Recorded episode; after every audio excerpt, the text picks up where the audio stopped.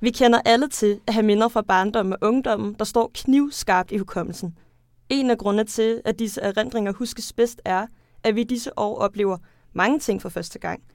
Første skoledag, første solorejse, første kys. Det er bare noget helt særligt over første gangs oplevelser. Eller, jeg ved faktisk ikke rigtig, hvad vi skal kalde det. Øh, Nej, det kan også sådan første eller first. first. hvad, hvad, hvad skal vi gå med egentlig? Jamen, hvad synes du? Jeg kan faktisk meget godt lide første. Jamen, så går vi med den, synes jeg. Okay. Og det skal vi også undersøge i dag, de her første, hvor vi inviterer gæster ind i studiet, som vil fortælle om deres første. Vi skal grine og måske også græde, når vi dykker ned i minderne om vores allerførste ganger. Mit navn er Mathilde. Jeg hedder Tine, og du lytter til allerførste gang.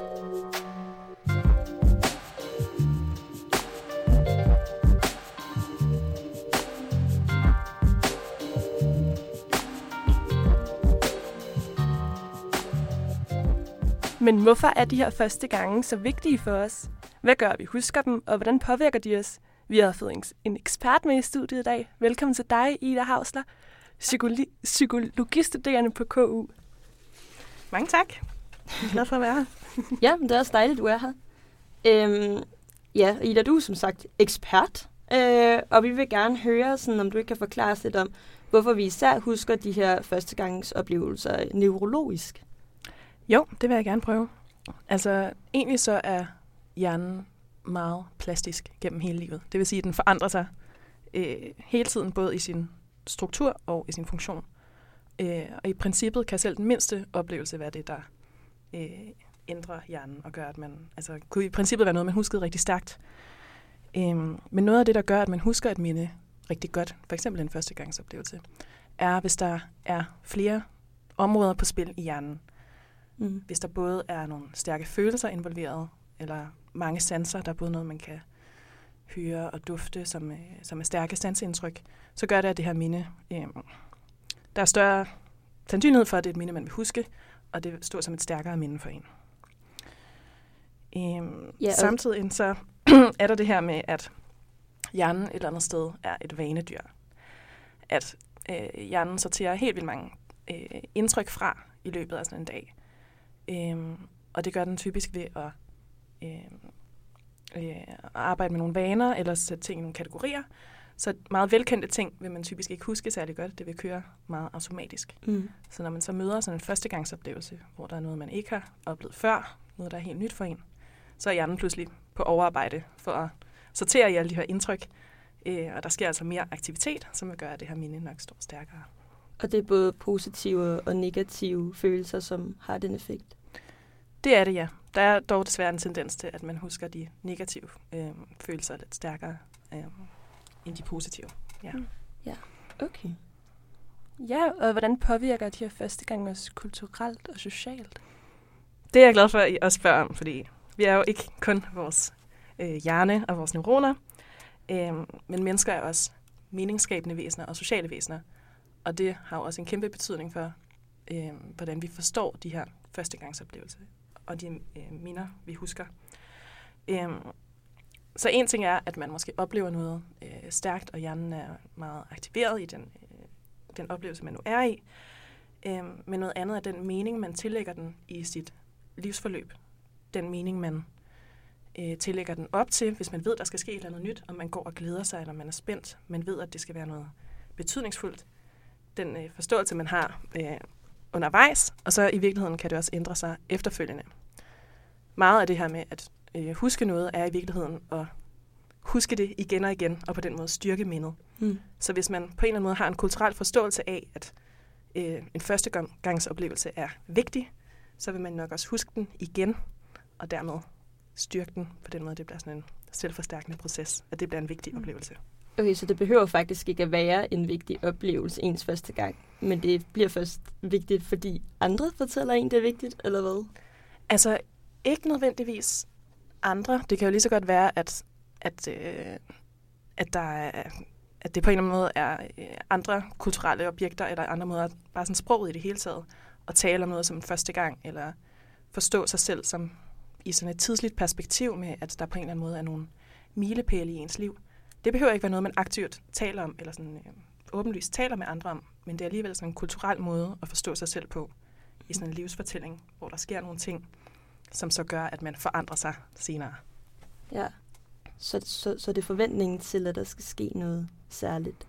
Ja, og fortolkningen bagefter. Mm. Øhm, Mm. på den måde så er det også enormt normativt. Altså hvis der er nogle forventninger til, at første gang skal være på en eller anden bestemt måde, øh, skal finde sted på et eller andet bestemt tidspunkt, og man skal have det på en bestemt måde med den her oplevelse, øh, så spiller det jo også ind på, hvad man tager med. Ja. Det synes jeg giver god mening. Mm. Mm. Jamen, tak Ida, fordi du gerne ville være med i dag. Det var rigtig dejligt. Selv tak.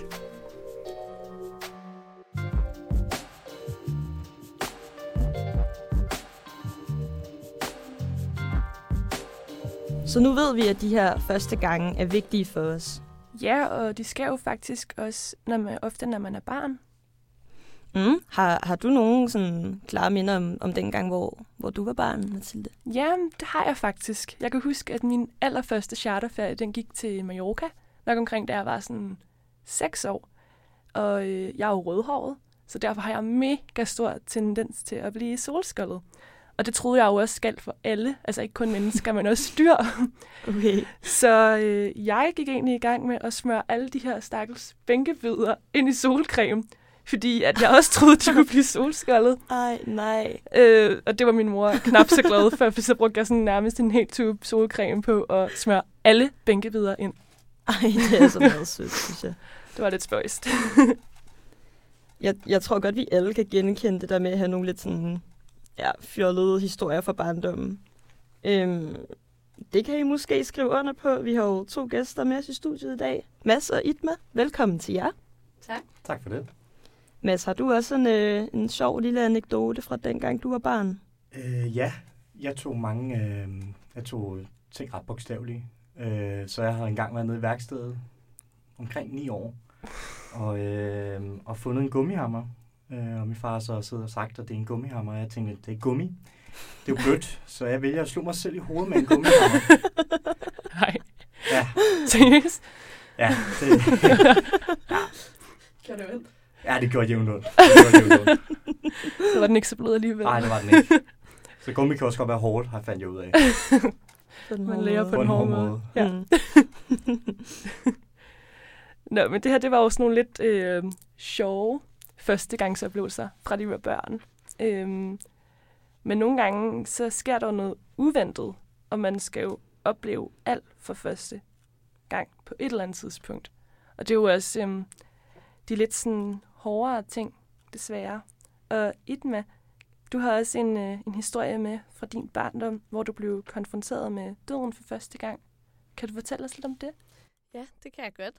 Øhm, og ja, det er jo også det, der er lidt specielt ved den her historie, at jeg var så ung på det tidspunkt, hvor jeg ligesom oplevede død for første gang, at der faktisk gik flere år efterfølgende, før det gik op for mig, hvad det betød.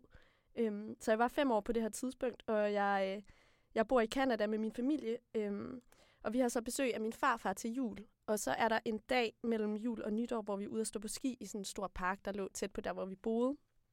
Og min lille søster, hun er tre år på det her tidspunkt, og hun er øh, hun har ret meget temperament. Øh, Så det, der sker efter, vi har været ude at stå på ski i lidt tid, og det er koldt, og vi fryser rigtig meget, og sådan, det er, at hun får et kæmpe, kæmpe hysterisk anfald, hvor hun bare er ildrød i hovedet, og øh, der er ikke noget, der hjælper, og man skal slet ikke komme tæt på hende. Øhm, og min mor, hun har ligesom prøvet at få min søster, få, få min søster ud af det her anfald i noget tid, så hun har mistet sin tålmodighed, og min far, han, øh, han, han prøver stadig at få hende til at falde til ro, men stemningen er ikke så god. Øhm, og der er faktisk heller ikke særlig meget at gøre, fordi hver gang man kommer tæt på hende, så, så spræller hun bare og slår ud efter en og ligger og skriger. Øhm, ja, min farfar, han var der jo også, og han var, øh, han var sådan en kæmpe, kæmpe drillepind, der altid forsøgte at, at lette stemningen i et rum ved at fortælle noget sjovt, eller, eller sådan lave, ja, lave sjov med folk, joke hele tiden. Øhm, og derfor så, så går der også lidt tid, før det går op for os, at han ikke ligger i sneen for at gøre grin med min søster, øhm, selvom vi har set, at han altså ligger nede i sneen. Øhm, jeg har faktisk stået og, og kigget på ham i noget tid, da, da jeg ser, at min far han løber hen og begynder at, at give min farfar hjertemassage og kunstigt åndedræt. Og jeg tror først, det er på det her tidspunkt, at jeg kan mærke, at der er noget galt, for jeg ved jo ikke, hvad det betyder. Øhm, ja, og, og det er jo også, altså for eksempel det med, at, at, at jeg kunne se, at han fik kunstigt åndedræt, det er jo først noget, jeg har vidst, hvad var flere år efter. Og, og han kom så på hospitalet og endte med at gå bort der. Øhm, så det er sådan et minde, jeg har i meget klare billeder, det der med min farfar, der ligger i sneen. Øhm, selvom der først gik flere år, før jeg fandt ud af, hvad det betød. Kan du så huske, sådan, hvad du alligevel tænkte, altså, da du nok fandt ud af, at det ikke var for sjov? Det er et svært spørgsmål, for jeg ved jo ikke præcis, hvornår det gik op for mig, hvad, hvad det var, der var sket på det tidspunkt. Men jeg kan bare huske den her klare følelse af, at der er noget helt galt. Og sådan kan huske mine forældres samtaler, eller sådan det der puslespil, der langsomt gik op, at jeg måske overhørte, at mine forældre snakkede om, at det ikke var så godt, og noget med en kiste, og han skulle flyves hjem til Danmark, og så var der jo en begravelse og sådan noget, så ja, så det, det var nok der, det gik op for mig. Har du nogensinde snakket med dine forældre om, hvad der egentlig skete? Ikke rigtig, nej. Altså, det er jo ikke, fordi det er et emne, vi undgår, men jeg tror aldrig, de har sat sig ned og fortalt mig, det her var det, der skete dengang. Altså, vi har aldrig snakket om sådan, også om, at det måske måtte have været ubehageligt for mig. Jeg ved ikke, om mine forældre, de er klar over, hvor meget af det, jeg husker, eller hvor meget af det, jeg så. Mm. Tror du så, det har påvirket dig på en bestemt måde?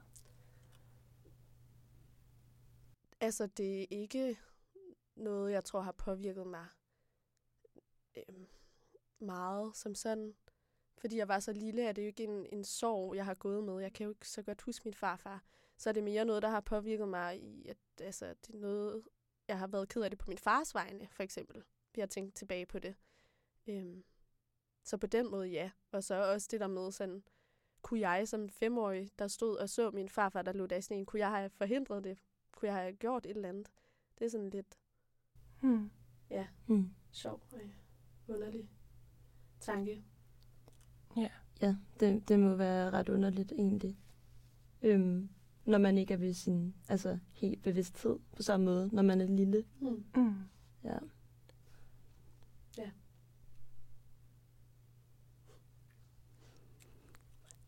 Er det noget, du har tænkt dig at snakke med dine forældre om? Er det noget, du har overvejet? Øh, nej, det, tror jeg ikke. Altså, hvis det bliver aktuelt, så ja, så kunne jeg da godt, men det er ikke noget, der sådan, jeg går og tænker på, at er noget uforløst, jeg skal snakke med dem om. Nej. Okay. Jamen, ja. tak, fordi du havde lyst til at dele din historie med os. Selv tak.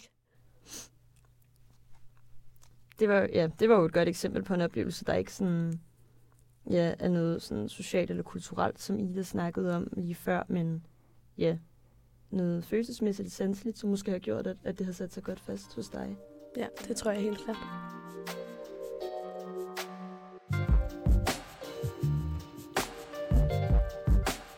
Ja, som sagt, så sker mange af vores førstegangsoplevelser i barndommen jo, fordi alt er nyt på det her tidspunkt.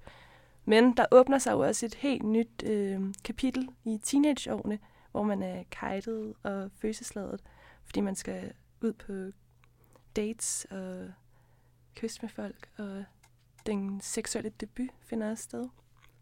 Ja, ja, jeg kan da i hvert fald godt skrive under på. Jeg synes, det var rimelig kajtet at komme ind i det her kapitel.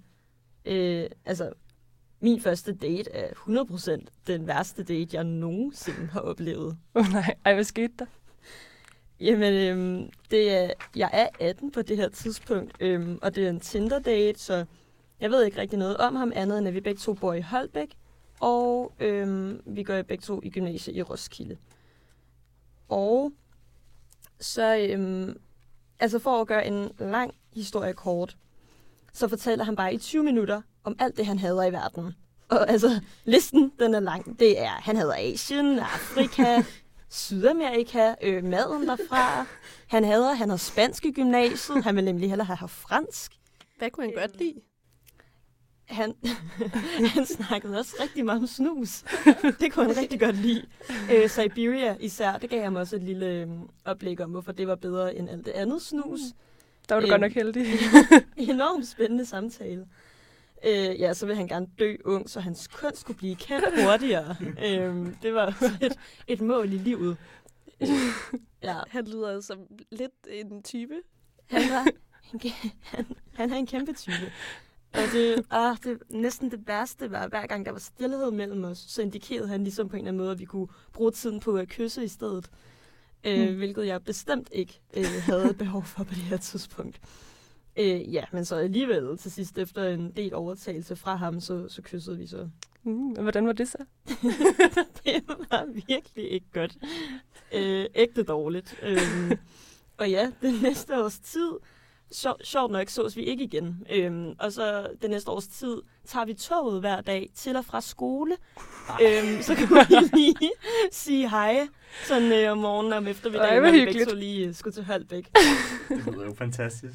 Ja, det var... Øhm, man kan sige, nu har jeg nok prøvet den værste date, jeg kommer til at være på i mit liv. Så, så har man lagt øh, en god bund. Så kan Mm. du kun blive bedre. Lige præcis. Ja. Men, øhm, men vi skal jo også øh, høre om nogle andre lidt akavede historier her i dag. Ja, fordi Mads, nu skal du jo på banen. Øhm, og vi skal snakke om en af de mest omtalte første Det skal vi. Denne første gang, den er jo bedre kendt som den første gang. Øhm, og de fleste forestiller sig den sådan meget romantisk og fuldstændig perfekt.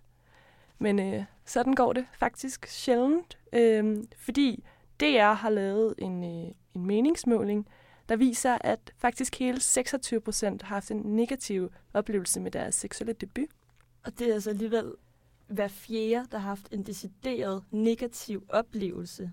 Ja, det er faktisk overraskende mange, synes jeg. Øhm, Mads og Itma, er det noget, I kan genkende til? Ja, altså det tror jeg godt. Min, den, altså, det, jeg vil ikke sige, at jeg er overrasket over den her meningsmåling. Min første gang gik ikke helt som planlagt. Nej, og jeg vil nok heller ikke øh, beskrive min som... Altså, min oplevelse som positiv. Nej, okay. Og lad os lige blive lidt øh, ved dig, Mads. Fordi du vil dele din første oplevelse. Mads. Ja, det er. Jamen, jep. Øh, jamen, vi, øh, vi skal tilbage i tiden. Øh, jeg er 16 år og er meget, meget beruset til en privatfest. God Hvor start. Ja, Ja, det altså, tegner en godt. fantastisk oplevelse, ikke? Og, øh, og det er så her, jeg får min første gang, som jeg ikke kan huske. Øh, så alle de her detaljer og hændelser, som jeg kommer til at fortælle her, de kommer fra venner og fra hende, jeg var sammen med. Og øh, hvis vi skal tilbage, så skal vi faktisk se tilbage til, hvor jeg vågner efter den her hændelse. Okay. Og jeg vågner i sengen med 10 ubesvarede opkald. øh, sammen sådan 18-20 beskeder fra min mor, om jeg skulle huske den skide familiefødselsdag, jeg skal til dagen efter. Jeg tænker bare, slap lige af, ikke? Og alt muligt. Og sådan, og jeg får dog svaret hende, at jeg er på vej hjem, og, og her så opdager jeg så, hvor jeg egentlig er henne. Og jeg ligger helt nøgen i en seng, og jeg tænker, okay, hvad, Åh, hvad, hvad, hvad, er, hvad er der sket her? Og, og jeg kigger ved siden af, og, og hende fødselaren, jeg var til, ligger også nøgen ved siden af mig. Og jeg tænker, nå okay, jamen, øhm, det er jo så ligesom startskuddet til min seksuelle øh, debut. øhm, Super. en fantastisk. Og i, og i Hedens Far, så får jeg lige skyndt mig at få et øjeblik over, hvor, hvor jeg er henne, og hvor mine ting er, og så får jeg samlet sammen. Og, i gang med, og, i det, og i det, jeg er i gang med at samle mine ting sammen, så opdager jeg ligesom to andre fra mit gymnasium. I samme situation. Nede på gulvet. Hvad skal det sige? Jamen, de ligger også nøgne nede på gulvet, så jeg ved ikke lige rigtigt, hvad jeg er gået ind til her. Øhm, men jeg tænker ikke så meget på det. Jeg får bare samlet mine ting, og så smutter jeg. Altså, kan du godt huske, hvad der er sket? At, at, har du fået, ligesom fået minderne tilbage på det tidspunkt? Eller? Overhovedet ikke. Jeg er stadig jævnt beruset på det her tidspunkt. så jeg, så jeg husker ikke så meget. Øhm, og så kommer vi til lidt senere. Klokken er omkring 10 eller deromkring, hvor jeg kommer til den her skide familiefødselsdag. Og jeg har det så dårligt. Så jeg går lige rundt og siger hej og velkommen til, og så jeg skal lige på toilettet, og så går jeg ud, og så ligger jeg i suppen. Det gør jeg altså. Jeg ligger i suppen til den her familiefødselsdag. Ja, det er ulækkert, jeg ved det godt. Det er, ja, jeg ligger i suppen. Ja, det er klamt, men øh, jeg får ligesom taget mig sammen for øh, alkoholen ud af kroppen. og, øh, og vasker mit ansigt, og så kigger jeg mig selv i spejlet og tænker, hvad fanden er det? Så det er ikke engang moralske tømmermænd. Nej, nej, nej, nej, men det kommer nu. Det kommer nu. Det kommer nu. Fordi det, jeg opdager nu, det er, at øh, jeg, min hals er smurt ind i sugemærker. Ej. Og jeg går i panik. Jeg går i fuldstændig panik. Og jeg tænker, fuck, fuck, fuck, fuck, hvad gør jeg nu? Og jeg er til den her familiefødselsdag, jeg gider ikke have en eller anden fucking onkel, skal sidde og kommentere på det. Og så går det op for mig, at det heldigvis stadig er koldt udenfor. Mm. Så jeg har selvfølgelig hasseklæde med og alt muligt. Så jeg spænder bare ud i garderobeskabet, tager fat i det her hasseklæde og grænder rundt. jeg er lidt syg i dag, jeg er lidt syg. og tænker, okay. Har du allerede hilst på alle familiemedlemmer? Ja, på det ja, det har de ikke så se, at du ikke havde tørklæde på, og måske også umage. Jo, men jeg tænkte på det her tidspunkt, at der der ikke nogen, der havde lagt mærke til. Man kigger jo hinanden i øjnene, ikke? Man kigger ikke på halsen. Nå, nej. Og jeg tænker, okay, øhm, så har jeg ligesom forklaret det, og, og jeg tænker, den holder, hvis, hvis den holder foran familien, så holder den også i gymnasiet. Og øh, det gør den så ikke. Øhm, jeg kommer i skole dagen efter, mandag, og får flået det her halseklæde væk fra mig. Og der kan man ligesom se afmærket af territorium. Ej, det er Øh, tavligt. ja, og det var så mine søde klassekammerater. Mm. Og fik jeg nævnt, at, øh, at hende fødselaren øh, gik også i klasse med. Øh, ja, så det var super akavet. øhm, Jeg troede ikke, det kunne blive værre. nej. Men som sagt, så kunne jeg ikke huske nogle af de her detaljer her, der ligesom er sket. Og de her detaljer, de skulle hjemsøge mig i flere måneder efterfølgende. Øh, og lad os starte helt praktisk. Jeg får fortalt en af mine gode venner, blandt andet ham, der river halseklædet af mig, at, øh, at vi, har, vi har været i gang i den her, hvad skal man kalde det, en akt, i, i, i, i ret lang tid. Og han tænkte, at vi var færdige, og så i forbindelse med det, så spænder der otte drenge ind på værelset for at, at komme med high fives og, og lykønskninger, som man gør åbenbart. Ja, ja, som man gør. Øhm, som man gør. Problemet var bare, at øh, vi stadig var i gang med det. Øh, så de er der otte drenge, der hopper op i sengen, mens vi stadig er intime med hinanden. Mm. Og det opdager det relativt hurtigt, fordi det er jo ligesom mig, der ligger øh, on top, og jeg ligger med røven bare, og de tænker, okay, men de er stadig i gang, så de bevæger sig ligesom ud af Det er værelset. godt, du skaber billederne for. Ja, Meget visuelt. ja. Øhm, og, øh, og det var også sådan, så, og så får vi noget tøj på på et tidspunkt, øh, og fortæller de så, eller fortæller min kammerat mig, og vi kommer ud og, og snakker og har det grineren og sådan noget. Og jeg tænker, øh, det er også, jeg tænker, at, altså, det er jo lidt skørt, at man ligesom grænder rundt og hyper hinanden op omkring det. Mm. Men jeg tænkte, det var det. Øh, der, var, der er ikke sket mere og sådan noget. Øh, men så får jeg så fortalt, eller jeg får ikke fortalt, jeg får snakket med, med hende, fødselaren, Mm. Ja.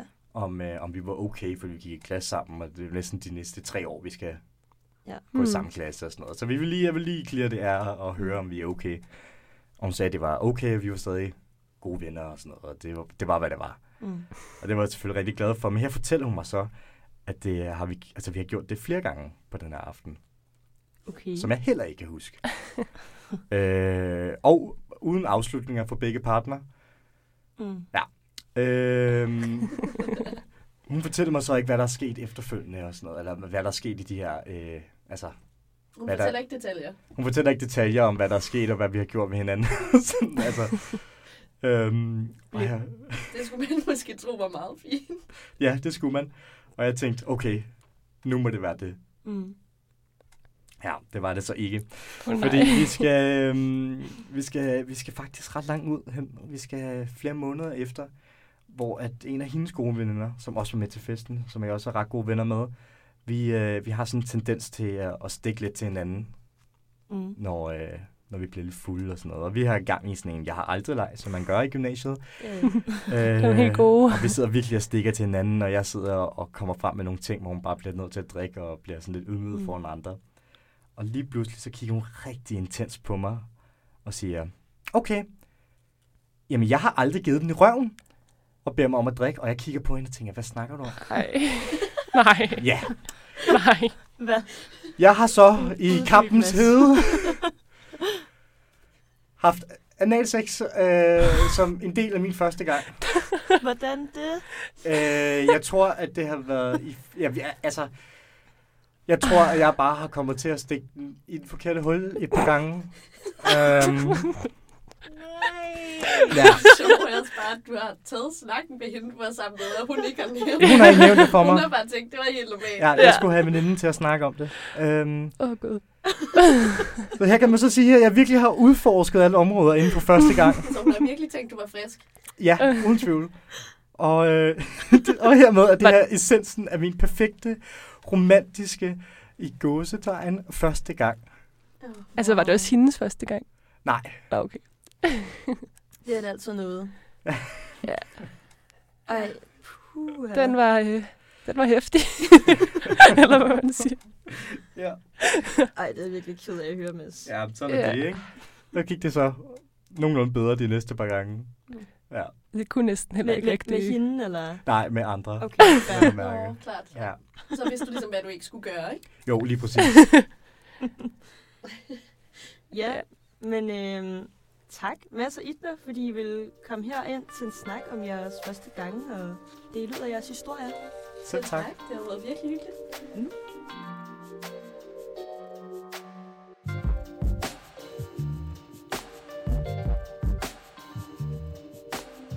Ja, vi har også spurgt nogle af lytterne, øhm, om de har nogle sjove, eller søde, eller kajtede førstegangsoplevelser. Og vi har fået en her fra en lytter, og det er hendes første oplevelse med alkohol. Og det lyder på, jeg var 13 og havde aldrig drukket, drukket før. Øhm, jeg havde min veninde på besøg, og vi var alene hjemme. Min mor havde noget hjemmelavet brændenællesnaps, som vi begyndte at eksperimentere med. Vi troede, at man kunne mærke det med det samme, når man drak, så vi drak bare hele flasken på ret kort tid. Jeg har svært ved at huske, hvad vi lavede, men jeg har minder om, at vi tog en haveslange, som vi holdt opad, som om det regnede ned på os. Og så skulle vi kysse under haveslangen til Nick og Jay. jeg ved ikke hvordan, men nogen har ringet til nogen på et tidspunkt, for der stod i hvert fald lige pludselig nogle falkmænd og begge vores fædre i døren. Og ja, ambulancen endte dog med bare at køre os hjem. Ej, det er Det en, var øh, sgu... Øh, en vild første oplevelse med alkohol. det er også ret imponerende bare at drikke en hel flaske. Jeg tænker, nå okay, Ja. men det, det rammer nok rimelig hurtigt. ja. Øhm, vi har jo fået øh, endnu en, øh, en lytterhistorie. ja. Og det er en pige, som vil snakke om sin første gang med hendes stemmeseddel. Min første gang, jeg stemte, var til Europaparlamentsvalget i 2019. Jeg anede ikke, hvem jeg skulle stemme på, så jeg tog en test på nettet og undersøgte nærmere. Jeg læste op på, hvad kandidaterne selv havde skrevet, og var fuldstændig enig med en SF'er, der ovenikøbet havde gjort brug af kreativ bogstavrim i sine overskrifter. Nogle måneder senere er jeg på rundvisning på Grundvis Højskole. Da jeg står med min mor og kigger på lærernes billeder, genkender jeg hurtigt Peter Vestermann, som var ham, min allerførste stemme gik til. Ej, det er ret sødt. Ja, det er nok ret sødt. Så, så hun har faktisk lille idol her på skolen. det er meget nuttet. Nu har vi jo været igennem hele fødselsregistret i snakkene om de første gange, og det står jo klart, at det i hvert fald er nogle oplevelser, der er brændt ind på nethinden. Tak for det. Tak fordi I lyttede med til allerførste gang.